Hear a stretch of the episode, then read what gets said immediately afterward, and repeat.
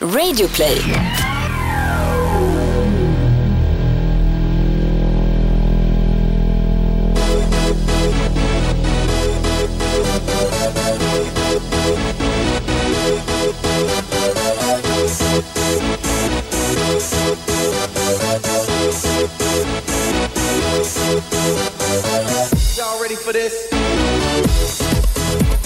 Solen skiner, allsvenskan är igång. Stockholm, Sveriges huvudstad, har väl en 13, 14, 15 plusgrader på termometern.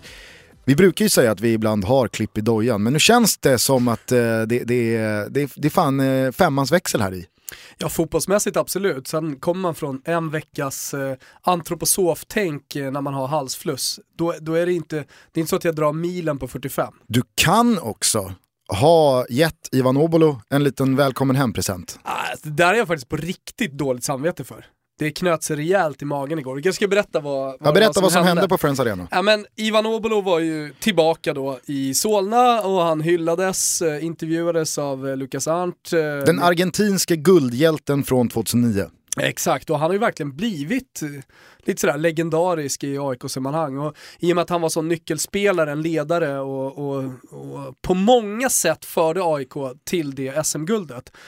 Eh, och sen försvann, varit i Argentina sådär, så blev det ett, en riktig återkomst till, till Solna. Han fick ett jättefint eh, bemötande av Friends, av AIK-supportrarna såklart. Eh, men sen också ett ärovarv där han gick då från Eh, avbytarbåsen via norra långsida och sen så kom han till södra familjeläktaren. Han hade gått runt där, så såg jag när han kom att han inte hade någon halsduk på sig. Jag tänkte hur, hur är det möjligt? Han har då ja, men, gått förbi hela norra och allt det som händer på, eh, på långsidan sen med alla de supporterna som sitter där som är verkligen aktiv sittplats. Jag tyckte det var jävla konstigt, så tänkte han kanske inte vill ha en halsduk, men, men jag tog i alla fall fram min och så Eh, ja, men höll jag över den sådär. Så han bara, per me? Ja, ja, det, det är till dig på italienska sådär, tillbaka, han pratar ju dålig svenska. Han tog han den bara, blev jätteglad och tackade och så, så satte han den runt halsen och så liksom verkligen sådär hårt knutet. Jag såg den gick över munnen lite grann och då slog det mig att jag hade ju hostat i den där för att då skydda alla som var med mig på matchen och alla som var på läktaren så att inte de skulle få halsfluss. Så hade jag hostat rätt in i halsduken och den satte han runt halsen. Ah, det kändes inget bra. Men jag kan ju inte springa efter, jag kan ju inte hoppa in och Nej, det är klart att du inte kan. Vad ska jag göra? Skadan är skedd. Och du vet, eh, idag måndag så är det väl troligt att eh, Obolo sitter på en lång flight tillbaka Ah. till Sydamerika. Det här kan bara sluta på ett sätt. Håll ögonen öppna ni som hör det här och är i Argentina. Finns halsfluss ens i Argentina? Ja, det är klart det skapade en epidemi borta i Argentina. Men eh, det kan vara så att Ivan Obolo imorgon kliver in på någon eh, akut, eh, alltså ett akutsjukhus i Argentina och, och visar upp eh, hundraprocentiga symptom av en halsfluss från Rönninge. Det är ganska svalt med eh, profilstarka födelsedagsbarn. Eh, en av eh, få som vi ska hylla är dock den holländska målvakten Tim Krull. Många kommer ihåg och känner igen honom från hans tid i Newcastle och i Premier League. Eh, dessutom så var det ju Tim Krull som byttes in i eh, kvartsfinalen, VM Magiskt ögonblick. 2014. Den går till förlängning och eh, Louis van Gaal gör ett byte i den 119 minuten då han alltså byter ut eh, Silessen som har stått i mål alla minuter under mästerskapet dittills och skickar in Tim Krul. Jag tror inte att Tim Krul är jättemycket bättre på att rädda straffar än vad Silessen är, men det här blir ju en mental effekt. Det blir ju en psykning som går hem. Jag Ja. tror att Krul tar tre straffar i, förläng- i straffläggningen som sen blir. Och Holland avancerar vidare till semifinal. Man hade ju gärna liksom suttit där på bänken, i alla fall fått det återberättat. Det har säkert gjorts i, i olika medier, men jag har i alla fall inte läst det. Liksom vad som sades, hur snacket gick mellan van Gaal och Tim Krul i, det, i de, de sista ögonblicken där. Sen var det ju någonting med hans självförtroende och hans pondus som han gick in och ställde sig på den där straffpunkten med, eller straff, eh, eller mål, mållinjen med. Det, det man dock kan känna det är att man lider lite med Silessen. För att han, han stod ju alla minuter utom en Är det ju Tim Krul som blev hjälte. Ja, ja, alltså det var, va? i det här VM-bronset så är ju målvakten man minns Tim Krul. Det är inte Silessen. Nej, exakt. Silesen eh, kommer ingen minnas, han är en av de här mediokra målvakterna som ingen kommer komma ihåg. Man kommer komma ihåg Silesen för det här ögonblicket. Ja, verkligen. Och jag menar, kolla på Celessen idag. Totalt bortglömd Han tillhör i, ju- eh, i Barca. Han tillhör ju den bortglömda generationen eh, Bar- eller jag, holländska spelare som inte lyckades fullt ut. Är möjligtvis Barcelona för holländare, Konstigt att säga om en målvakt som har stått fast samtidigt, hela vägen fram till en eh, Är- bronsmatch i VM. Liksom. är Barcelona för holländare vad Belgien är för svenska spelare? Ja, vi ska ju komma ihåg att det är Afelai. på olika nivå här vi, vi diskuterar. Precis på samma sätt som vi diskuterade förra veckan, att det är olika nivå liksom, med svenska landslagsspelare och holländska. För att man har andra förväntningar på holländare. Man går tillbaka till historien så har det funnits fantastiska spelare som vi sa då. Ehm, än på svenska. Afelai var ju en annan holländare som gick eh, till Barca och bara totalt försvann. Hade väl en del skador i och för sig. Mm. Men men, eh, du, en liten chockerande uppgift kring Tim Krols födelsedag, det är ju vad han fyller. Han känns... 29, 30. Exakt, han fyller 29. Han gör det? Ja, jag var helt säker på att eh, han var par år över 30-strecket i alla fall. Men han, han har Han har ju en väldigt gubbig Ja, kropp. jag tänkte säga det. Alltså, han, han är ju lite lönnig hela tiden. Han är som Sebastian Frey var. Alltså hela tiden lite sladdrig i kinderna. Ja, jag skulle nog snarare att säga att Sebastian Frey, han var lite mera liksom Knubbig. knubbig, lite A- Artur Boruk eh, liksom. Tim Krul är mer chipstuttar. Ja. Ja, det, han, är, han är slapp i köttet. Exakt. Ja. Jag är ytterst tveksam till ifall Tim Krul kan göra 25 armhävningar på rad. Men grattis till VM-bronset. Verkligen. Eh, det andra födelsedagsbarnet, det är den gamla Lejonkungen som har ett eh, legacy som snarare handlar om ett triangeldrama än vad han har uträttat på fotbollsplanen. Jag pratar såklart om Argentina och... Eh, Maxi Lopez eller? ja, precis. Maxi Lopez. Ja. Några klubbadresser, Barcelona, Torino, Jo, eh, Sampdoria. absolut. Sen så ändrades ju, skulle man kunna säga, hela hans liv kastades ju upp och ner när han kom till Catania. Det var ju inledningen också på hans Italien-sejour. Det var en värvning som många inte hade förväntat sig i och med att han, han var ju en sån spelare som hade en stor klubb i sig. Även om det, han inte lyckades i Barcelona eh, så tänkte man att förr eller senare kanske han kommer tillbaka för han är en sån exceptionell talang. Kommer från River Plates eh, fantastiska skola. Bara det att Barca visar intresse brukar man ju säga, jo men då finns det någonting där. Eh, ja men en spelare som man gick och väntade på, så när han kom till Catania så var ju det en övergång som man, ja, man, man höjde på ögonbrynen för.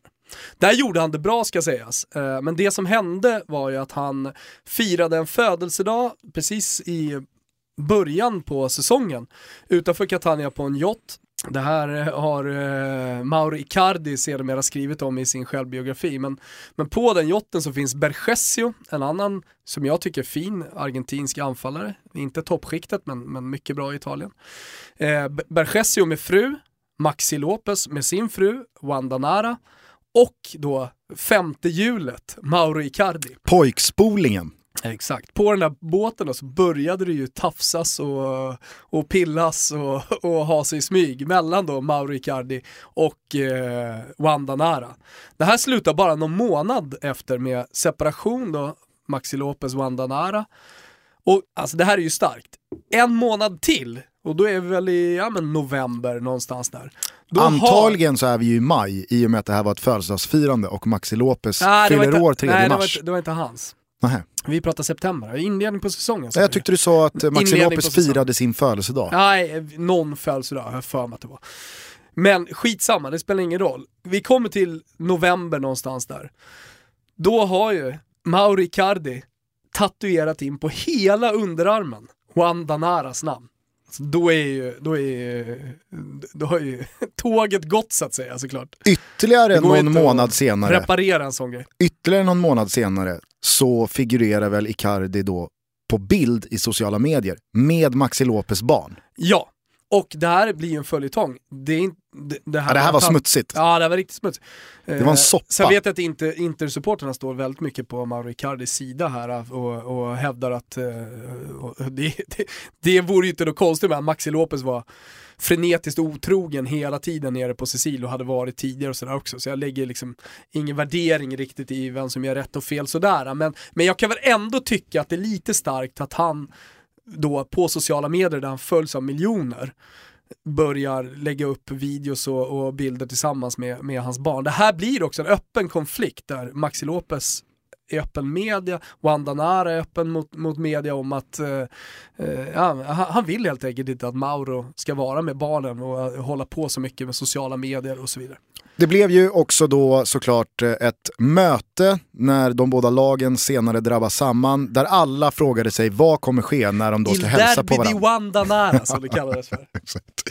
Jag vet inte, det finns ju säkert många av våra lyssnare som följer Leonard Jägerskiöld Nilsson, upphovsmannen till fotbollens heraldik och hans korståg han har gått på Twitter senaste veckorna om vad som egentligen är ett derby och inte. Ja. Vad för typ av match ska få kallas ett derby och vilka typer av matcher ska inte få kallas ett derby? Vi kan väl säga, vi kan väl säga så här att Il Derby di Wandanara får väl vara någon slags gräns. Det tycker jag är okej. Okay. alltså, frågar du Leo så är det ju ett hundraprocentigt derby. Han menar ju att varenda jävla match, bara det finns någon som tycker att det är ett derby, så ja. är det ett derby. Det var som jag skrev. Går ju hårt i clinch här nu mot Kristoffer Kviborg som ah. Eh, leder Eh, trupperna i den eh, polemiska Mitt bidrag ringhörnan. till diskussionen var i alla fall det fantastiska derbyt mellan Provercelli och Novara, båda Piemonte-lag. Il Derby del Riso, jag tror jag nämnt det tidigare, risets derby. Ja, smalt, eh, smal, eh, smalt inspel ja. i den här diskussionen. Eh, den kan man ju sätta sig in i på Twitter om man följer både Leo och Kristoffer Kviborg. Men tillbaka bara till den här matchen då, när Mauricardi och Maxi Lopez då till slut ska mötas. Det var ju precis som det varit mellan Wayne Bridge och John Terry några år tidigare i Chelsea, eller mellan Patrice Evra och Luis Suarez. Kommer de hälsa på varandra och så vidare och så vidare. Eh, det slutade väl med... Det slutade med att eh, Icardi sträcker fram handen, eh, ja. men eh, Maxi Lopez han dissar den och springer bara vidare. Grattis hur som helst till Maxi Lopez som idag fyller eh, 30 33 år. Spelar fortfarande i Torino, har aldrig gjort en riktigt bra säsong. Alltså det man hade förväntat sig. jag, tro, ja, men... jag trodde du skulle säga match. Det har garanterat gjort. Han har aldrig gjort en riktigt bra match. Det här ska inte bli då Maxi Lopez, men, men det är ändå anmärkningsvärt att han aldrig har mer än, jag tror att det är 11-12 mål i Catania. De flesta säsonger så har han inte ens kommit upp i 10 mål. Och jag tror att när folk hör hans namn, Maxi Lopez, och man gör kopplingarna till Barcelona, eh, den supertalangen som han ändå var, tänker man att där i alla lånesessioner och i alla små klubbar han har varit så har det ändå funnits någon supersäsong jag skulle säga att han, hans bästa kanske då är i, i, i Catania, faktiskt. Precis innan det här hände. Grattis på födelsedagen, eller tanti Aguri, som man säger i eh, den, på den Apenninska halvön. Det känns jävligt roligt att vi har en ny sponsor ombord på Toto Balutto-skeppet. Det är Uefa Europa Leagues officiella partner Hankook Tire som har, eh, vad säger man, klivit på skeppet. Ja det är det, det handlar alltså om bildäck. Och tillsammans med Hankook Tire så kommer du och jag under de kommande tre veckorna tävla ut 10 stycken biljetter till Europa League-finalen på Friends Arena den 24 maj. Ja men det här är fett. Det är många bra lag kvar i Europa League. Det kommer garanterat bli en otroligt skön final. Det är sällan vi får de här finalerna i Sverige också. Och för alla er som är oroliga och tycker att det är halvtrist att gå på fotboll solo så är det såklart fem stycken vinnare som får ta med sig varsin kompis. Så att eh, totalt 10 biljetter men fem stycken vinnare. Eh, det här börjar eh, i detta nu på våran Instagram så att vill man vara med och tävla om Europa League-finalbiljetter så går man in på Toto Baluttos Instagram. Kontot heter ju Toto Balutto. Ganska eh, enkelt. Exakt, och vi är enhällig jury. Vårt beslut om vilka som vinner, det går inte att ifrågasätta. Man måste också vara 18 år fyllda så att man är myndig och har alla de bitarna på plats.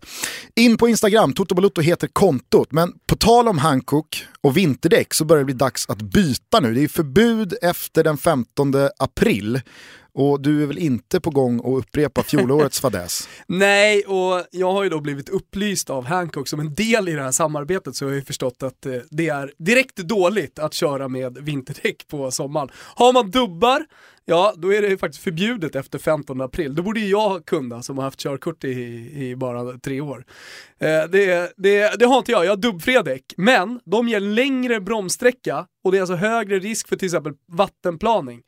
Vid eh, låga hastigheter och sådär. Så det, det, finns ju, liksom, för säkerheten och för mina barns skull, stor anledning att eh, byta till sommardäck. Och bor man som du och jag i Stockholmsområdet så är det ju alltid lika skönt att för första gången för året få rulla ut på Hornsgatan på Södermalm. så är det. Sveriges kanske mest klassiska dubbdäcksförbud. Mm. In på Instagram för fan, det är väl klart att man vill gå på Europa League-finalen i Solna på Friends Arena 24 maj. Zlatan kanske är där med Mourinho och Så Manchester United. Vem vet? Vi tävlar tillsammans med Hankook Tire på Instagramkontot Toto Balutto. Vill du höra vad som har hänt i helgen Tompa? Ja! Här kommer ett eh, litet svep som sammanfattar de Kör. senaste dagarnas fotboll. Det blev en del krampaktiga premiärer i årets allsvenskan. Målfattigt och temposvagt runt om i landet, men IFK Norrköping körde över Bayern och imponerade stort trots att segern till slut bara blev med uddamålet.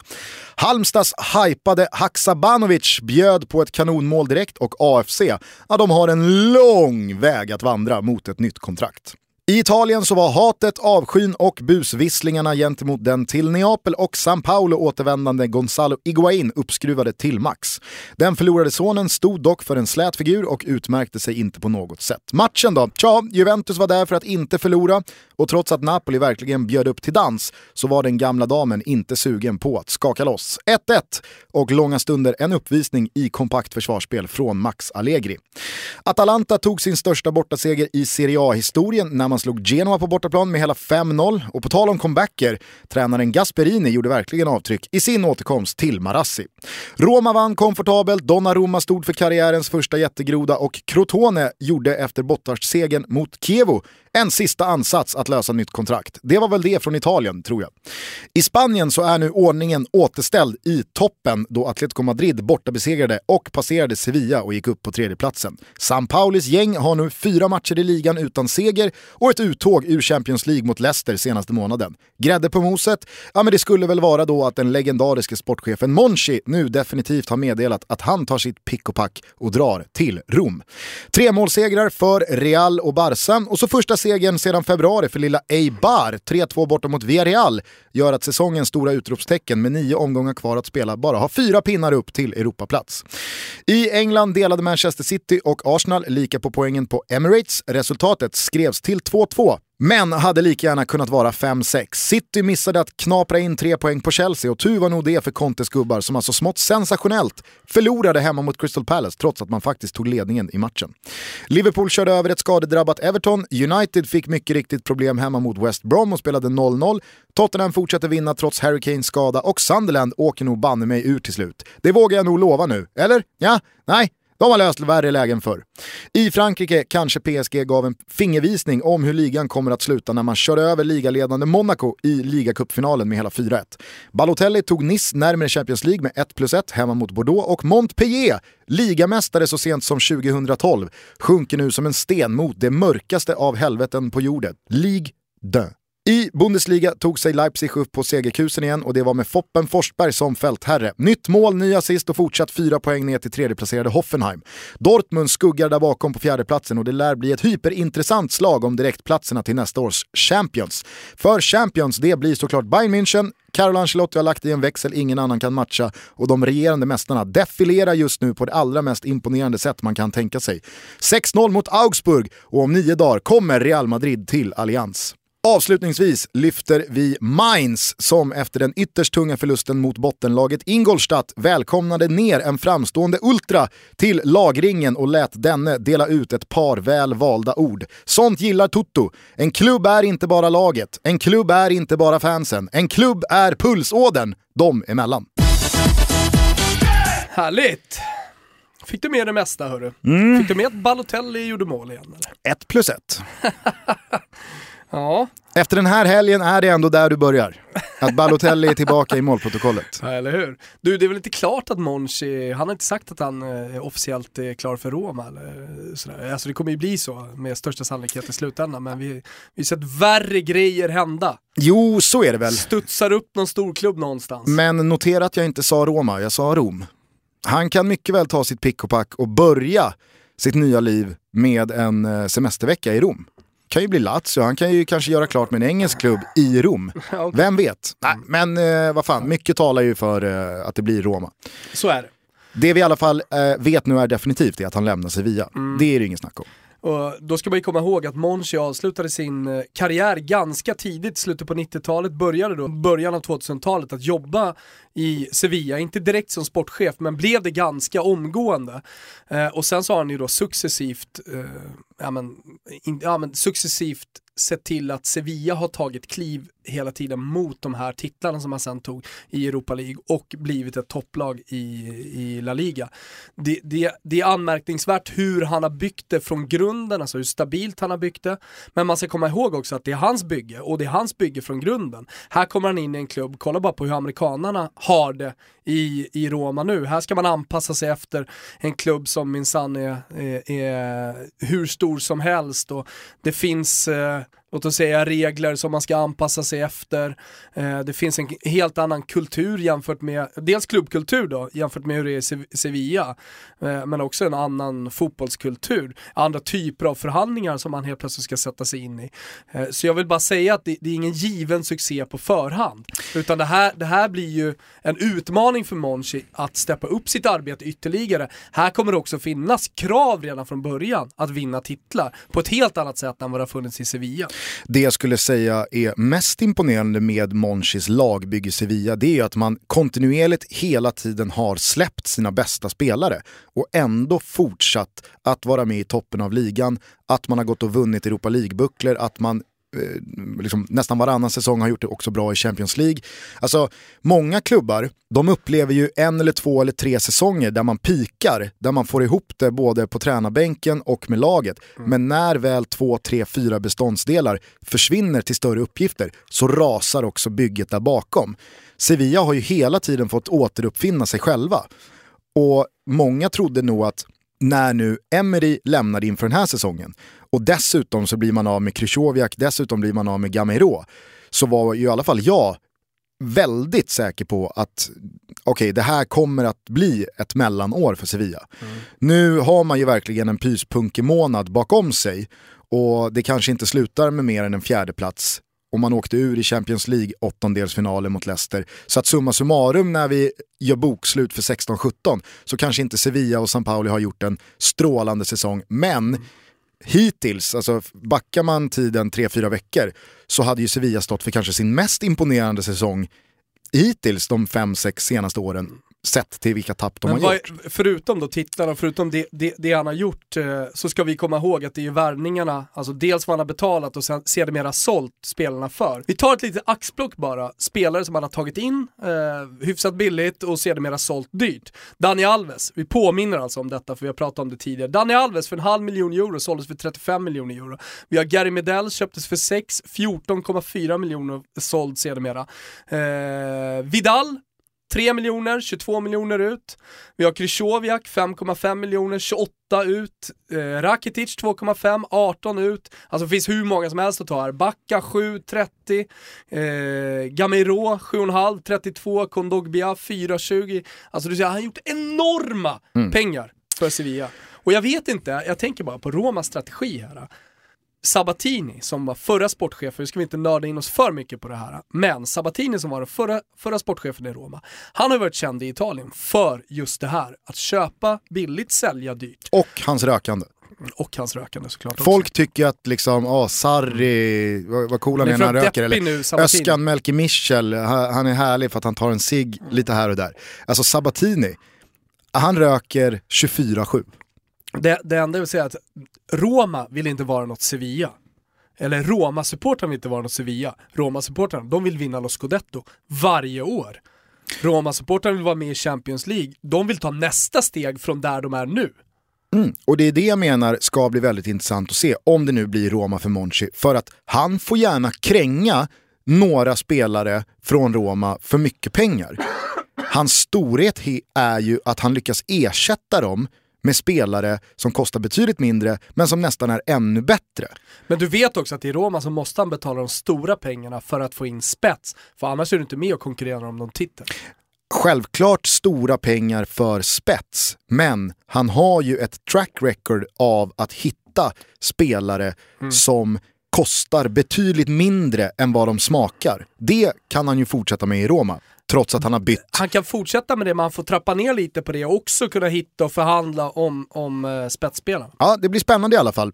Eh, var det något annat du eh, fastnade för i eh, svepet? Vi måste ju nämna såklart Chelseas förlust ja. hemma mot Crystal Palace. Den, den, alltså, de tar ledningen med 1-0. Ja, de tar ledningen, det ser bra ut, det flyger. Chelsea på väg mot en ny trea. Och det var ju många frågetecken, Courtois, Hazard, Diego Costa, alla kommer till start. Ja, Bästa all... laget på plan, ja. de har City i veckan. Vet du vad det var, var ju... Gusten?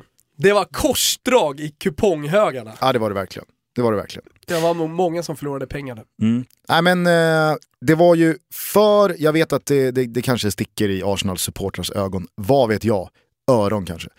Eh, det var ju synd för matchen på onsdag att City inte lyckades knyta ihop säcken och vinna på Emirates. Eh, Tottenham tog ju sin trea, men i och med att Chelsea och City möts då här i veckan så hade det ju verkligen funnits en liten, liten laddning i att en City-vinst skulle öppna upp det här titelracet igen. Eh, nu blev det ju inte så och det tror jag nog att eh, Conte var jävligt nöjd över att Arsenal lyckades hämta kvittering två gånger om. Eh, för att den där förlusten var den, den, den ja, fanns det var oväntat, inte. men det är också en sån förlust, precis som var det Burnley man förlorade mot tidigt också på säsongen, där han fick en del skit för innan eh, det här korståget eh, i Premier League startade, han bara vann, vann och vann så var ju det här en, en, en, en plump som händer mm. då och då. Jag tror, jag tror inte att det här var ett tecken på att Chelsea är på väg neråt nu, formmässigt, eh, resultatmässigt, utan jag, jag, tror att man kommer ganska snabbt hoppa upp på hästen igen. Så det finns en sån grundstomme i det laget som funkar. Men, eh, man ska, ska man helt räkna bort, när du nu pratar om Manchester City, ska man helt räkna bort Tottenham då? Nej, jag menar bara att City har ju Chelsea i veckan. Ja. Och Tottenham, de kan ju ta sina poäng ändå. Jag, jag tänker att... om City vinner den matchen mot Chelsea, då skulle det vara fyra poäng som skiljer mellan Chelsea och Tottenham. Ja men exakt, men för Citys skull, alltså det hade ju, om nu Tottenham vinner också, mm. så hade det ju blivit både Tottenham och City betydligt närmare Chelsea, vilket öppnar upp titelracet ännu mer. Jag, jag, tror såklart att City åker till Stamford Bridge i veckan och vill vinna alldeles oavsett hur det gick igår mot Arsenal. Men för toppstridens skull mm. så hade det ju varit kul med två City-poäng till inför den här matchen. Ja. Men eh, en, en till grej som jag bara tycker att vi, vi ska beröra, det är Merseyside-derbyt mellan Liverpool och Everton. Det gick ju som det numera brukar gå i Merseyside-derbyt, eh, det vill säga att Liverpool vann. Eh, jag tror inte att Everton har vunnit på, ja det är bra länge i alla fall, man får gå tillbaka en sju år. Ja i alla fall på Anfield så har det ju varit total Liverpool-dominans ja. länge nu. Ja men det har varit eh, extremt eh, mycket rött. Men, det jag skulle vilja lägga lite kraft vid här, det är den anmärkningsvärda statistiken som Liverpool har den här säsongen. Att man har tagit betydligt fler poäng mot topp 10-lagen än vad man har gjort mot bottenlagen. Och jag tänker mig att ett lag som Liverpool med så mycket offensiv kraft, med Jürgen Klopp eh, som eh, spelar med många kreativa spelare i anfallet, borde ha lätt att luckra upp de här bottenlagen. Men, men istället är det tvärtom, att de synar honom. De, de klarar av att spela ett försvarsspel mot, mot Klopp som kanske, de, eh, så kanske topplagen borde anamma då, snarare. Att man spelar lite lägre mot eh, Jürgen Klopps lag, eh, än, vad man, än att man, än man spelar mer som vanligt. För det är ju en anmärkningsvärd statistik. Jag kan inte minnas att man har sett någonting liknande eh, ja, under, under modern fotbollshistoria. Att ett topplag liksom, säg inte slakta rent, men, men vinner så extremt mycket mot eh, topplagen i förhållande till hur dåligt man har gått mot bottenlagen. Nej, det är ju absolut intressant och börjar man, som man alltid gör den här tiden på året sett till den internationella fotbollssäsongen, att tänka i om och ifall och om inte-banor, så är det ju verkligen en poängskörd på Liverpool som går att dribbla ordentligt med. Mm. United har ju eh, sina sådana poäng i hemmamöten med bottenlag. Mm. De är förtvivlat svårt att slå Oerhört. Hull, Burnley och så vidare. Som, som senast också. Eh, ja, eh, det flaggade vi dock för i, i senaste avsnittet av Toto. Det kan man räkna in. Ja. När det går lite tyngre med Toto-tripplarna menar jag. Eh, ja, tala för dig själv. Ja, det gör jag verkligen. Eh, nej men eh, det, det, är klart att det är så att Liverpool har ju sett till motstånd eh, tagit, alltså det, det, det, är ju oerhört imponerande mm. många poäng mot topplagen. och det är väl klart att man som supporter för Liverpool sitter och kollar på de där förlusterna och poängtappen. Ja men det är klart att det är surt, för det är inte många vinster som hade behövts för att verkligen vara med och, och strida med Chelsea. Hade, hade du varit till exempel i Tottenhams läge nu, då, då hade nog Liverpool ändå känt att det var möjligt. Jag vet inte, det kanske finns optimistiska Liverpool-supportrar som känner att man kan gå rent nu hela vägen fram till maj. Eh, men jag Glenn, tror ändå Glenn har ju inte gett upp. Nej, Glenn har inte gett upp, den saken är jävligt klar alltså. Ska vi släppa England och eh, Sket bara... i den allsvenska premiären för att åka över till Liverpool? Ja. Jag har sett på sociala medier att han, har, att han har hängt där borta och varit imponerad över precis allting. Ja, ja. Allt från liksom tv-produktioner, han ligger i, på hotellrummet. Han blir så otroligt imponerad när han kollar på Sky och så vidare. Han är härlig. Jo, men jag tänker bara så här, han är ju också en Liverpool-legendar på ett sätt. Han har ju spelat i klubben och var väldigt älskad och, och uppburen under tiden han var där. Ja, så ser man men till... när han pratar om eh, de gamla Liverpool-spelarna som han ser i brittisk TV, då är det som att han pratar som en 22-årig supporter här hemma i Sverige. Uff, kolla här! Jag sitter och kollar på TV i England med de här Liverpool-legendarerna. Wow! Jo, kanske. Men han förminskar skulle, sig själv lite. Det skulle, det skulle bara, eh, liksom en intressant reflektion, det är väl, vi har ju pratat om det förut, att många svenska klubbar eh, har att lära när det gäller att eh, hedra sina gamla legendarer. Mm och att hylla dem och att eh, hålla kontakten med dem och, och, fortsätta liksom visa att du är, du är verkligen en betydande del av den här historien. Och där kanske IFK Göteborg ligger högst upp på den bastningslistan. De har ju väldigt ofta fått klä skott och fått kritik för att man i princip har glömt eh, sina legendarer. Och jag kan tänka mig att när då en match som Liverpool-Everton, alltså ett Merseyside-derby, krockar med den allsvenska premiären Blåvitt-Malmö FF, och det kommer ett samtal till Glenn från England, Liverpool, hej, vi vill eh, bjuda över dig här, det är Merseyside Derby, du är, you'll never walk alone. Och så är det helt tyst från Blåvitt håll. Så tror jag att eh, valet är ganska enkelt. Ja, så är det väl, men, men jag, jag tror att Glenn har också gjort det lite till sin grej, att han är en normal supporter, han är en vanlig supporter. Han, han cashar sin bussbiljett till bortamatcherna och så åker han med gubbarna och jag, jag, tror att han gillar att vara där också. Sen finns det ju ingen som lever sitt liv så obekymrat heller som Glenn Hysén. Nej, vi kan väl rekommendera Emil Perssons senaste avsnitt i Fördomspodden. Ja. Om ni inte har lyssnat på det med Glenn Hysén så eh, Gör kan, det. vi, kan, vi inte få in, kan vi inte ta in den när han svarar på uh, frågan om ja, men just det här med att bekymra sig över saker och ting? Folk pratar om ångest och visst händer det att du kan känna dig lite nere ett par dagar ibland men sen har det alltid gått över. Nej, jag är aldrig nere i ett par dagar. Jag kan vara nere i tio minuter kanske om man tänker på någonting. Någon, kill, någon kompis som har dött eller sådär nyligen eller något sånt skit. Men det går över jävligt snabbt. Aldrig ja. dagar, väldigt kort tid. Jag underskattade ditt välmående helt enkelt. Ja, nej, men det, jag mår bra för det mesta. Det måste jag säga. Jag, det, jag lägger inte energi på skit som man inte kan göra någonting åt. Så det är folk som håller på och tjatar om väder och vind och jävelskap. Vad fan ska du göra åt det då? Man blir äldre och wow. Ge mig ett piller då så jag blir yngre då. Sen kan vi diskutera. Men eh, du, du vet att väldigt många har svårt att förhålla sig till världen på det sättet. Men jag förstår inte för du, får ju, du har ju bara en chans. Enligt mig i alla fall. Sen finns det många som tror att man blir, kommer tillbaka som en jävla fjäril eller någon fågel eller någonting. Men det tror jag inte. Dagmaskkäk, det är det som gäller. Det är bara att bita ihop men när man lever. Ha det kul så länge du lever. Han är härlig Glenn Hysén. Jättehärlig. Det var inte det vi skulle beröra Fördöma. utan jag ville bara innan vi tar tag i den allsvenska premiären att eh, du eh, förflyttar dig tillbaka i tiden ett par timmar till igår kväll. San Paolo, Napoli mot Juventus. Eh, man trodde ju, jag trodde verkligen att det visuellt, nu är det ju väldigt svårt att avgöra och döma utifrån en tv-sändning, men visuellt och det som gick genom rutan så toppade det ju inte till exempel då Figos återkomst till eh, Camp Nou. Eh, förstår du vad jag menar i det här? Alltså det lät som fan. Det var ju en jävla massa burop. Mm. Eh, och det Men det var inga, du menar det var inga liksom, Jag satt ju och hoppades på vespan. Ja, jo. Jag hoppades ju på vespan. Ja, liksom. nej, det finns ju, finns ju en, eh, en... Eh, och vad jag, vad jag pratade om förut var bara att när Figo lämnade Barcelona för Real Madrid, när han kom tillbaka till Camp Nou och då skulle slå sin första hörna, då kom det ju grishuvud. Mm, exakt såg ett tjurhuvud också tidigare på säsongen förra året när Leipzig-supportrarna åkte till Nej förlåt, inte Leipzig-supportrarna, Dortmund-supportrarna. Var det väl, har jag fel här? Kanske ja, jag, har. jag tror att det var, det var väl till och med i Zweite. Alltså det var typ Så. Dynamo Dresden eller... Så kan det mycket väl ha varit. Eh, som då s- sulade tjurhuvud, avhugget tju- tjurhuvud. Det var vidrigt eh, till, mot Leipzig, eh, Leipzig-supportrarna.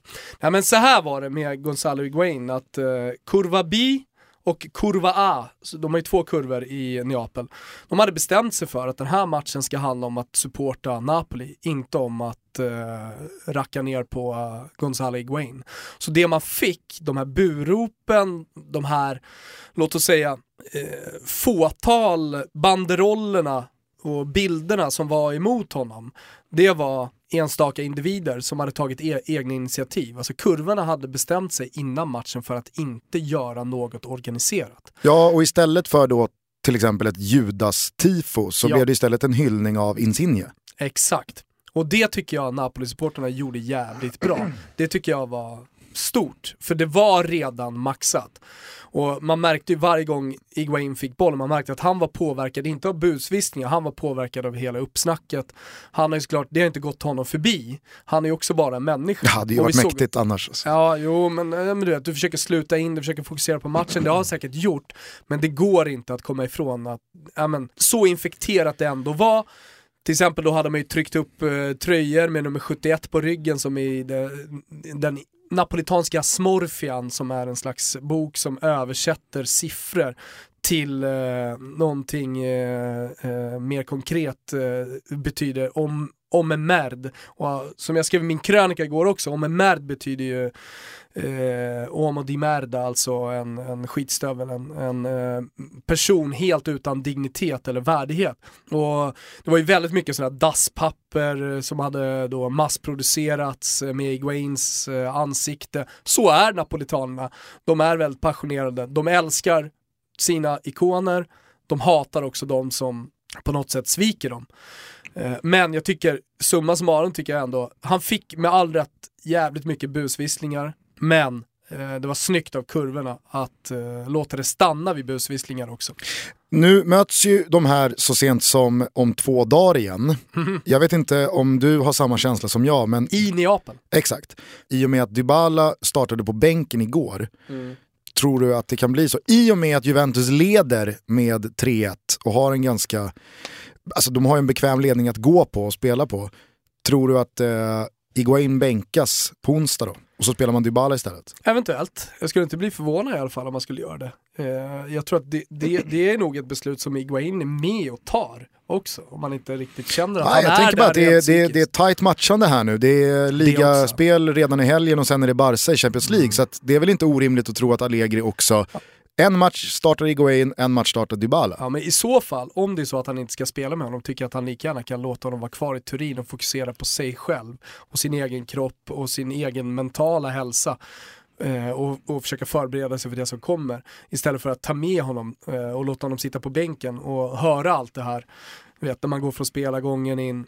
För eh, det var väldigt tydligt att han var påverkad igår. Han mådde inget bra där ute på planen. Ja, ja, en chans kvar i alla fall för Vespan. Jag hoppas. Jag hoppas. I så fall ska det vara någonting ännu värre. Vad, vad, Vespan vadå? räcker inte. Jag vet inte. Man får väl döda Iguains moster eller någonting och kasta ut henne på planen. Jag vet. Alltså, det, det skulle ju gå till jä- överdrift. jävla magstarkt alltså. Magstarkt. Makabert. Jävligt. Oh. Okej, eh, bara kort eh, innan vi, vi släpper svepet och fokar på allsvenskan. Eh, vad tyckte du om avslutningen där? Eh, på tal om då supportrar och banden till laget. Att Mainz förlorar en väldigt viktig match mot eh, Ingolstadt som ligger på nedflyttningsplats. Nu tror jag att eh, Mainz delar samma poäng som eh, Augsburg som också ligger på nedflyttningsplats. Augsarna. Mm, precis, på tal om då liksom, lagbyggen som flyger två säsonger och Ja. sen bara spricker. Eh, så bjöd de ju ner då liksom, Capon, jag vet inte vad det heter på tyska, har du det? Med dina rötter i Österrike? Capon är internationellt annars. Ah, Okej. Eh, och så tog han ett surr då med laget för att verkligen understryka att eh, Der Capo. Der Capo. Ja, men, eh, jag, har inte, jag har inte läst eh, någon, eh, någon utskriven text om de egentliga orden han sa, men jag kan tänka mig att det snarare lutade åt att liksom, vi gör det här tillsammans. Det är jag helt övertygad om. Än att det handlade om att gör det här, alltså, mm. om, ni inte, om ni åker ur så dödar vi Nej, nej, nej, då hade han inte stått där heller. Utan det var ju snarare ett motivationstal, alltså vad är Minds för mig? Det ska det vara för er också, det ska ni visa här nu ute på planen. Mm.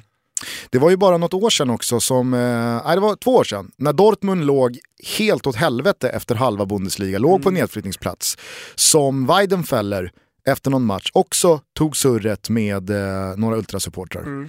Jag gillar det. Jag gillar när det finns den här eh, förståelsen för varandra och när man också bjuder in till en dia dialog som håller sig på rätt Framförallt nivå. Framförallt när den dialogen kommer från spelarna från första början, alltså att det är spelarna som bjuder in till, till att diskutera.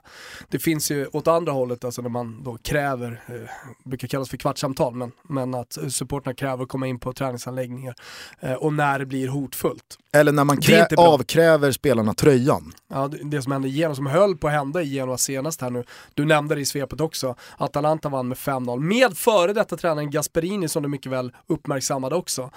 Det var ju bara för, eh, kan det ha varit en fyra säsonger sedan, när eh, Genoa förlorade med 4-1 hemma mot Siena och eh, ultrasupporterna krävde då att spelarna skulle lägga sina matchtröjor på en hög, att de inte var värdiga matchtröjorna slutade med att Beppe Scully hoppade upp på staketet och sa några välvalda ord till då det du kallar för capo, det var några capi eh, där, där i kurvan. Beppe Scully är alltså ganska så starkt förgrenad med eh, en maffia. En Drangetan ja. Mm. Mm.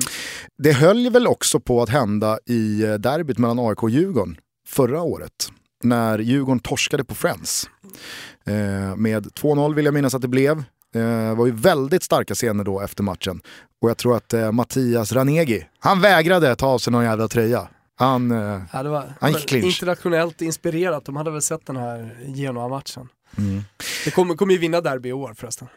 Jag är helt övertygad om. Ja, alltså det är det är väl favorit på jag det. Djurgården vinner alla där. Oj, oj, oj, det där kommer du försöka upp. Eh, skitsamma, jag tycker i alla fall att eh, vi tar med oss de där avslutande orden som jag skrev i svepet. Att mm. en, en, en, klubb är inte supportrarna bara och en klubb är inte laget bara, utan det är ju liksom pulsådern däremellan. Och jag gillar öppenheten och att man kan ha den dialogen med supportrarna också. Att man inte bara stänger den dörren. Jag tror att det är nyttigt att alla, alla spelare, supportrar, klubbledning, alla som är en klubb mår bra av det. Hörru, eh, allsvensk premiär. Mm. Du tog med dig din eh, äldsta dotter. Andra var sjuk ja. Till eh, Friends Arena. Eventuellt så smittade du Ivan Obolo med halsfluss. Men alltså. ni fick se ett AIK spela 0-0 mot Häcken. Och det var en väldigt uppskruvad eh, match. Alltså, dels eh, för att Häcken är eh, ett lag som många nämner i den absoluta toppstriden. Man har gjort ett par riktigt bra värvningar. Micke Stare är tillbaka i svensk fotboll, guldtränaren hos AIK från 2009. Medan AIK då verkligen har gjort ett starkt transferfönster. Men där man alltså valde att bänka Simon Tern till förmån för att kunna spela både Ishizaki och Johan Blomberg. Mm. Något som Rickard Norling underkände sig själv för efteråt. Med all rätt. Och det var, väl, eh, det var väl skrivet i stjärnorna att det skulle bli så att vad, vad han än väljer att göra nu så kommer det bli fel. Ja, jag, jag, jag förstår inte att han inte ser matchbilden framför sig, att AIK kommer att bli bollförande och att de kommer behöva kreativitet på mittfältet. För det är ju det som blir AIKs problem. När man har två stycken relativt ändå statiska anfallare Alltså det är klart att de rör på sig också, men de har inte den snabbheten som man hade förra året i djupled med dels Isak och dels med Strandberg. Ja, men då, då har man istället då den här säsongen värvat in mer kreativitet i mittfältet i Simon Tern. Ja men spela honom då, så man får det. Vad är det som händer i matchen? Jo, eh, det blir ju precis det man hade förväntat sig. Man, man lyckas inte luckra upp, utan allting handlar istället om kantspelet. Jag tycker att Daniel Sundgren gör en supermatch i första halvlek som han springer på den högkanten och AIK spelar ju väldigt mycket på högkanten där också. Men man måste också kunna hitta in centralt, man måste kunna hitta de här eh, kombinationerna i, på, på offensiv planhalva mellan Goitom, Tern, Kirpic och så vidare. Det, det, det, fanns ju inte överhuvudtaget. I andra halvlek, vad hände då? Jo, men då går man på vänsterkanten istället. Och där händer det inte jättemycket. En chans vaskar man fram från vänsterkanten som jag räknade till som, som är bra.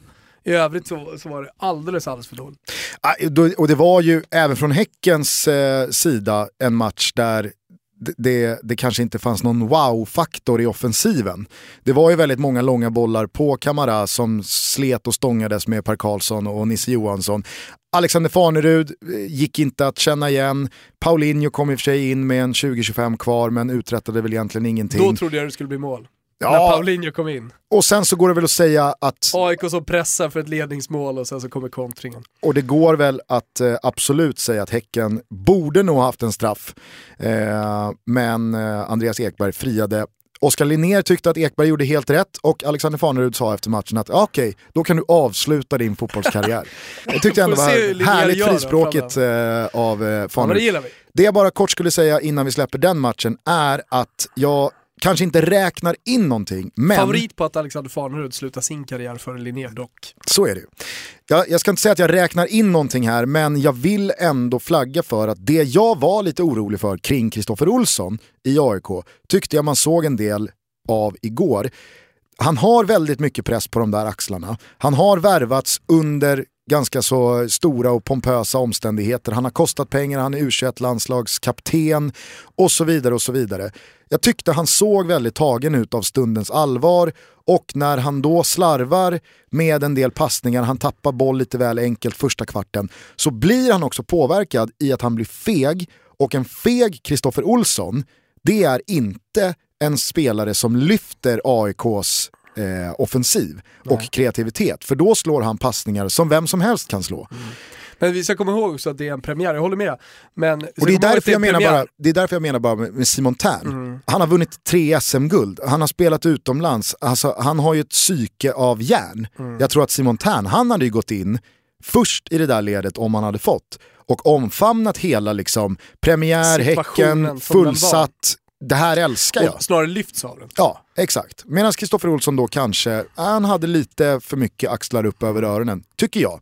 Eh, sen så är det såklart så att eh, Kristoffer Olsson är en eh, kanonspelare som kommer lyfta sig, men det var just den här biten för en ung spelare, håsad spelare, hånad spelare från då Norrköping och Hammarby, att en sån spelare ska in i ett AIK och förväntas ta någon slags ledarposition. Det är inte alla som fixar det. Nej. För att AIK är en speciell klubb i det avseendet. Ja exakt, jag, jag tror att det kommer lossna en så stor talang också. Jag tycker man såg glimtar av det igår, eh, trots att det kanske totalt sett var en underkänd match. Men, eh, men det kommer säkert komma.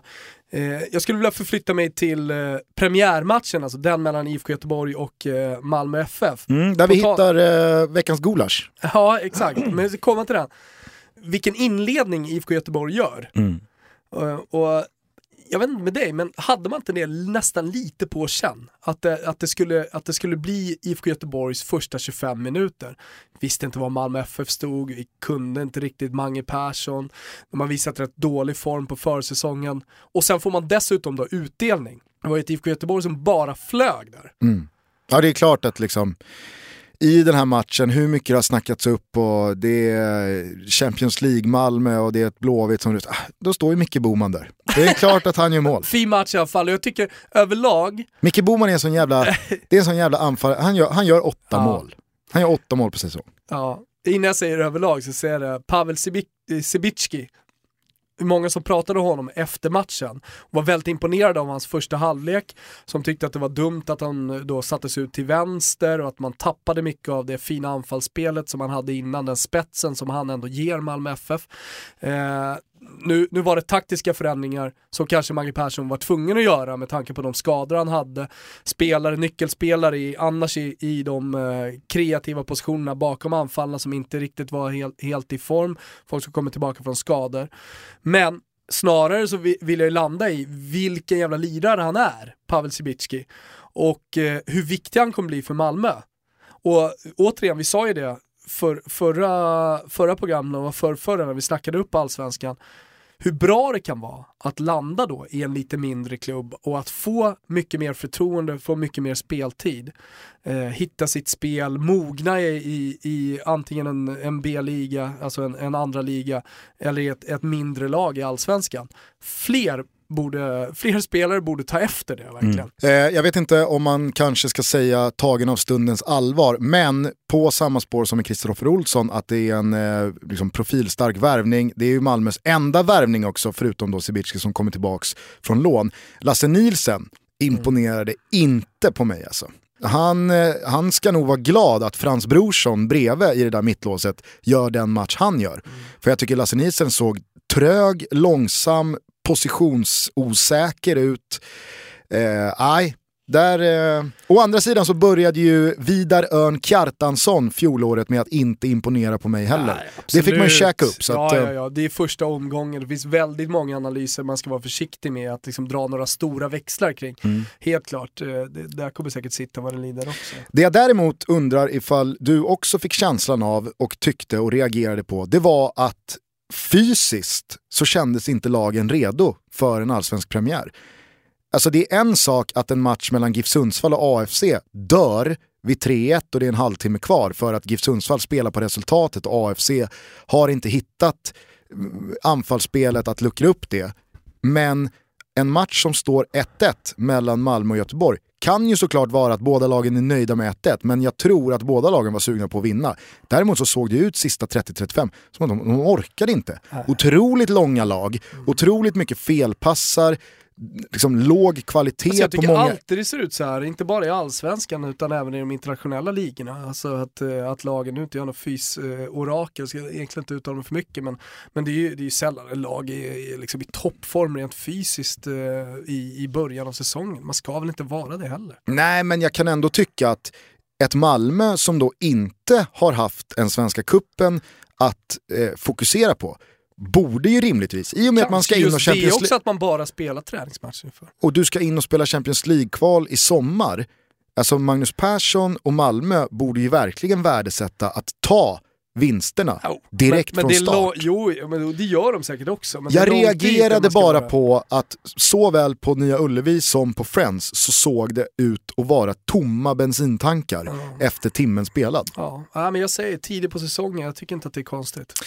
Hur som helst så skulle jag vilja dela ut en gulasch. Mm. Jag vet inte vem den ska till, men eh, eventansvarig på Nya Ullevi får fans, fan i mig en slev i ansiktet alltså för insläppet. Det var ju beklämmande att se eh, sociala medier tio minuter in i matchen, alltså efter att Micke Boman har gjort mål, så står det alltså flera tusen utanför Nya Ullevi och som fortfarande inte har blivit insläppta. Det kanske har varit ganska många Göteborgssupportrar som har laddat lite för länge på puben och kommit lite för sent. De finns ju också bland dem. Såklart. Ta åt er av lilla gulaschen också. Men av filmerna som man har sett, av bilderna man har sett, av eh, det som folk har skrivit om det här, så verkar det ju ha varit totalt jävla korkat i insläppen. Och det kan jag tycka är synd att det ska behöva drabba så många supportrar som har gått i fem månader och väntat på den här dagen och sen så står man utanför i en trång jävla kö när man hör Micke Boman göra 1-0 mot Malmö FF efter sju minuter. Men du spontan, snitsen går ju då till alla supportrar i Allsvenskan. Nu har, har, vi ju runkat upp det här länge och det är många som gör och... och... Fast jag har en, jag har en, jag har en smalare Jo, men jag säger också. ändå spontan, snitsen går ju då till alla, alla kurvor där ute som skapar den här inramningen.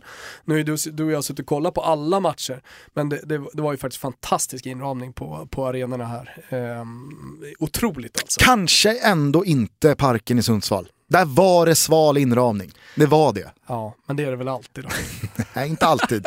Men det kan såklart kanske jo, ha att göra med motståndet att göra. Jo, i jämförelse med andra, absolut. Jag tror att den allsvenska hypen som vi pratar om och som alla pratar om kanske inte har drabbat precis alla städer. Jag menar, Eskilstuna kanske inte känner av den lika mycket som eh, Södermalm gör. Nej, så är det väl. Eh, hur som helst så skulle jag vilja ge en liten eh, extra schnitzel då till de AIK-supporterna som hade hittat kryphålet i Anders Ygemans maskeringsförbud och dök upp på Friends Arena i niqabs, ja. alltså eh, typ slöjor, ja. burker. Eh, det tyckte jag var och sen så kommer ju då en väldigt passande banderoll till att eh, vi har hittat kryphålet i, i lagen, vi mm. gör det här av religiösa skäl. Eh, för att Gör man det av religiösa skäl så får man alltså maskera sig, annars råder maskeringsförbud och då dök en, kan det ha varit? 15-20 AIK-supportrar upp då i nikab. Det tyckte jag var, det var jävligt eh, kul att se.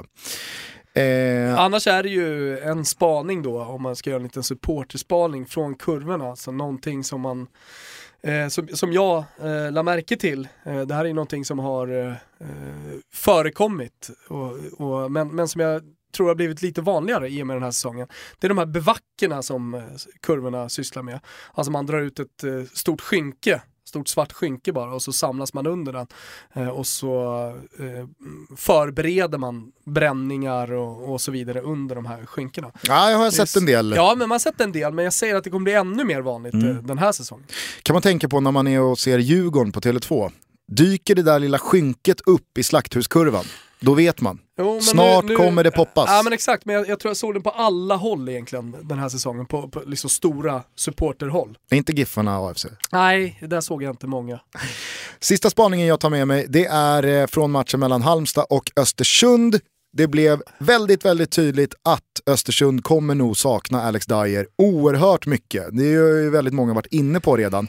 Men i ett väldigt bolltrillande, sidledsförflyttande Östersund som väldigt gärna inte går i djupled så var ju Alex Dyer en av få väldigt direkta spelare som går djupt i banan. Ja, som öppnar upp för andra. Och som vill gå mot mål, vare sig det är tom på boll eller med boll själv. Och det märktes ju i den här matchen mot Halmstad. Östersund tror jag har 70% plus av bollen, men ett avslut på mål mm. under 90 minuter. Och det säger en del om att man har förlorat det djupledsspel som Alex Dyer stod väldigt mycket för. Eh, och... Är det så att Östersund blir säsongens pyspunka? Nu eh, kanske inte alla som lyssnar på det här har jättestora förväntningar på Östersund, men så hypade som de har varit Jag tror att jättemånga har jättehöga ja, förväntningar ja, men på säger vi det då. För det har i alla fall du och jag, det var det jag skulle säga. Eh, med tanke på de stora förväntningarna och med tanke på det Graham Potter ändå säger om laget, man, nu, i år ska vi ta nästa steg, i år ska vi vara med där uppe. Så, så får jag en känsla, återigen visst det är bara en analys efter första matchen, men det är ändå någonting att eh, med avsaknaden av den spetsen som du är inne på här, så blir det för mycket trilla boll i sidled, det blir för lite konkret anfallsfotboll. Och det kommer lagen lära sig. Plus att i år kan lagen Östersund bättre, det har man faktiskt inte pratat om speciellt mycket. Eh, I fjol var första året, vad är det man alltid säger? Det extremt svåra andra året. Nu kan lagen Östersund och utan den spetsen utan Alex Dyer, utan en spelare som går i, eh, i djupled på det sättet, kanske ser kommer se ut så här ganska mycket runt om de allsvenska arenorna den här säsongen. Sen är det såklart skillnad på att möta Halmstad borta på konstgräs eller att möta till exempel då ett eh, Kalmar på hemmaplan där man får spela sin fotboll på sitt underlag och så vidare. och så vidare. Men jag tyckte det verkligen var en fingervisning att i de här bortamatcherna på naturgräs, oavsett motstånd, så kommer nog Östersund få det ganska jobbigt om deras spelidé innehåller så här lite djupledsspel och så här lite tanke, nu går vi rakt mot mål. Mm. Eh, men summa summarum tycker jag att lördagen och söndagen var ju ett bara bevis på att fan vad härligt att allsvenskan är tillbaka, det är sån jävla hype. Jo. Jag är med i en jävla massa WhatsApp-grupper där jag vet att flera stycken, nu är ju för sig många av dem just Arsenal-supportrar, de sa ju bara, fy fan vad mitt eh, intresse för Premier League och internationell fotboll sjönk i och med den här helgen. Det har inte mitt gjort. Och mitt eh, intresse för svensk fotboll bara sköt i höjden. Så att det är påtagligt att allsvenskan är tillbaka med en jävla smäll. Men Toto Balotto, är en, Toto Balotto är en mångsidig podd. Ja, Vi har koll på det mesta. Såg du colombianen Hurtados bicykleta-mål i den mexikanska ligan i helgen? Självklar enligt många 2017 års redan snyggaste mål. Han kommer vinna Puskas Award. Kom ihåg vart ni hörde det först. Nej men, eh, fantastiskt att vi är igång och jag blev väldigt glad av en tweet som nådde oss igår tror jag. En eh, lirare som har militant vägrat Toto Balutto i tron om att det var en podcast om italiensk fotboll. Ja. Eh, jag, jag, kan säga att det här avsnittet har innehållit mer italiensk fotboll än de kanske 30 senaste. Ja, jag menar, när, alltså, nämner man risets derby i Piemonte, då, då har man i alla fall varit där. Är det födelsedagsbarn? har vi Leo här nu som, som förespråkar derbyn? Ja, men då får vi väl också prata lite om det. Nu ska vi inte jinxa allt för mycket, men eh, hittills har i alla fall din Toto-trippel-form hållit i sig.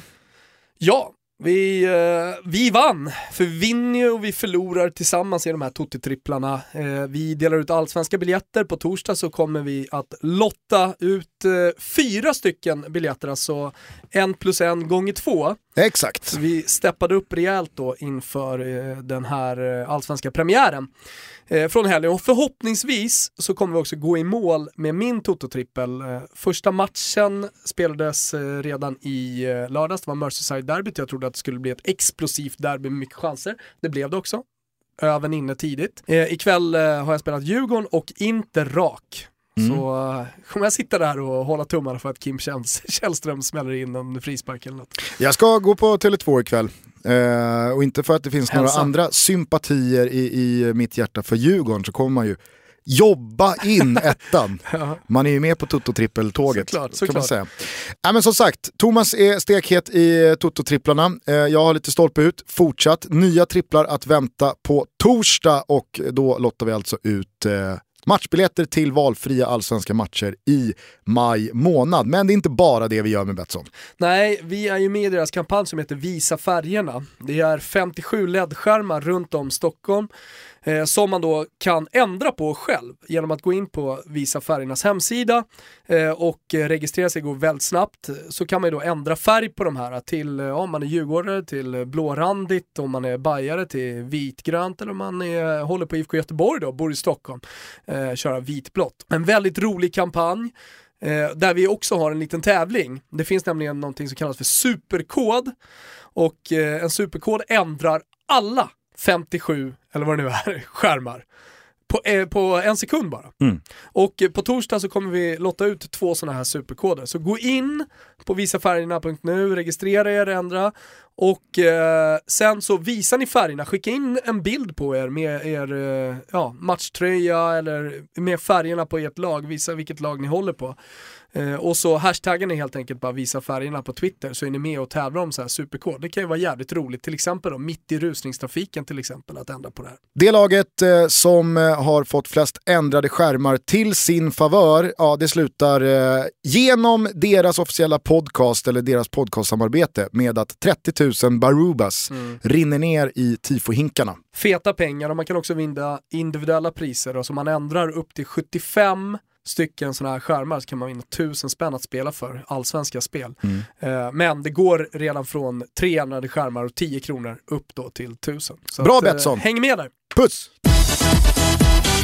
Hörni, eh, tack för att ni har lyssnat. Glöm nu inte att eh, hålla ögon och öron öppna för på vår Instagram så börjar vi nu alltså tillsammans med Hankook Tire att eh, tävla ut biljetter till Europa League-finalen den 24 maj på Friends Arena. Fem vinnare, tio biljetter. Exakt. Vill ni oss någonting annat så finns vi på totobalutto@gmail.com. Eh, vi har också ett eh, Twitterkonto som heter Totobalutto. Och så en Facebook-sida som våran polare Emil Holmgren rattar med den äran från och med nu. Du vet att det är midweek i veckan, Gusten? Ja, Men som jag vet, Ja. det är bland annat då ett eh, Romderby där vi ska försöka käka upp en 2-0 mot Lazio. Kommer ju inte gå. Eh, och sen så som sagt så är det ju eh, Chelsea-Manchester City. Precis, och på onsdag då kommer det hända grejer på vårt Facebook-konto. Då kommer det nämligen sända live inför den feta Midweek-omgången. Och då har vi även Napoli-Juventus. Så du och jag med lite sköna profiler kommer att snacka upp de här matcherna. Så gå in på Facebook, likea Toto Balutto efter snacket. Det heter numera eftersnacket. Jajamän. Inte eftersacket. Nej. Skönt. Klipp i dojan, våren är här, allsvenskan är här. Fortsätt njut av livet och sprid vårt gospel om denna härliga podcast så hörs vi snart igen. Börjar bli dags för ett gästavsnitt också snart. Ja men det kommer. Ponne senast, vi har ju en del sköna som står på kö utanför Många har studion. frågat efter eh, Johanna Frändén. Mm. Och eh, hon är ju inte alltid i Sverige va? Nej, Väldigt sällan skulle jag Ja, säga. väldigt sällan och skjuter också upp sina Sverigeresor. Men det snackas om maj nu här. Ja, nu är vi bara en månad bort. Nu är vi bara en hon månad inte bort. skjuter upp det. Hon kanske helt enkelt vill eh, komma till det fina vädret. Toto Balutto har en jävla skön känsla i kroppen. Vi hoppas att ni delar Bayern! den med oss. Här kommer Can't Stop The Feeling med Justin Timberlake. Jävla studs, studs, studs i dojan-låt alltså. Ciao tutti! Nu kör vi. Ciao, tutti! I got this feeling inside my bones. It goes electric wavy when I turn it on. All through my city, all through my home. We're flying up no ceiling when we in our zone. I got that sunshine in my pocket, got that good soul in my feet. I feel that hot blood in my body when it drops. Ooh, I can't take my eyes off of it, moving so phenomenally. You're more like the way we rock it, so don't stop.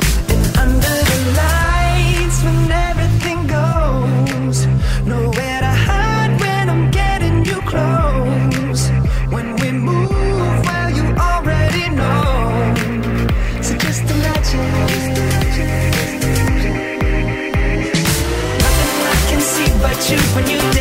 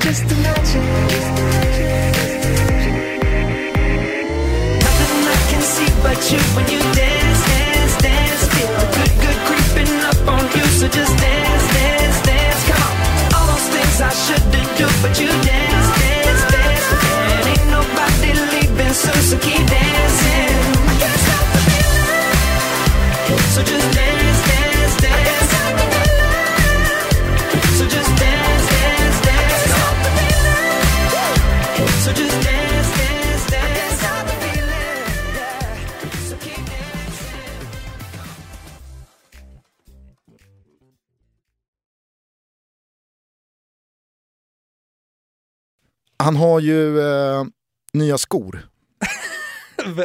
Slut. Jo, han han har nya skor vet du. Och på något jävla sätt så har han lyckats, Jag orkar inte. på något sätt så har han lyckats få det att se ut som att han har såna här ankelskydd på benskydden. För att vristen och foten och benet alltså, som går ner i skon är fan bredare än skon i sig. Han ser ut som de här riktigt trötta killarna man mötte när man var 12 år. Så man visste, man gick ut på plan och så såg man så här, ja, har vi något problem i den här motståndaren? Tittar man ner och så ser man ankelskydden ovanför skorna och så vet man, nej, inga problem här inte. Men det här, är- det här är de nya skorna. Alla nya skor har ju sådana här som går upp som en slags strumpa i själva skon. Alltså man ska spela, kunna spela barfota i dem. Men du, alltså det var länge sedan jag var inne. Jag var faktiskt tvungen att ta en paus från eh, Mimo Crescito. Men helvete vad det har vaniljats på här. Föga förvånande så är han väldigt exalterad över Kinder. Ja, ja, alltså, Alltså, kinderägg och kinderchoklad. Man vet att de är han inte köper... till barnen. Nej, de är inte det till här är barnen. inte till barnen. Det här är ju till honom. Och man vet ju också att han, är, han, han vill ju mer ha överraskningen. Vad är det reklamen sa? Med den där snorungen. Sp- någonting spännande! Någonting gott, någonting spännande, någonting kul. Nej, nej det var inte tre ord. Fast var, eh, har jag inte den där? Det är gott som är choklad, det är spännande med överraskningen och det är kul att leka med. Han vill ju ha överraskningen. Även om han liksom, när han äter chokladen så vet man att det kommer utanför. Så Pami får ju säga till honom, du, du har choklad i mungipan Mim. Och så vet man att han har varit och rotat med sina små vaniljfingrar i godisskåpet. Ge Men- fan i barnens kinderägg nu! Vaffanculo Mimmo! Den här gråa t-shirten Ja den är oklar. med någon Superman-bild och sen pappa pappa. Den är, är det är, är det liksom ett, ett? Photoshop-jobb eller? Nej, för att. P är utanför t-shirten. Ja, jag är väl inte färdig.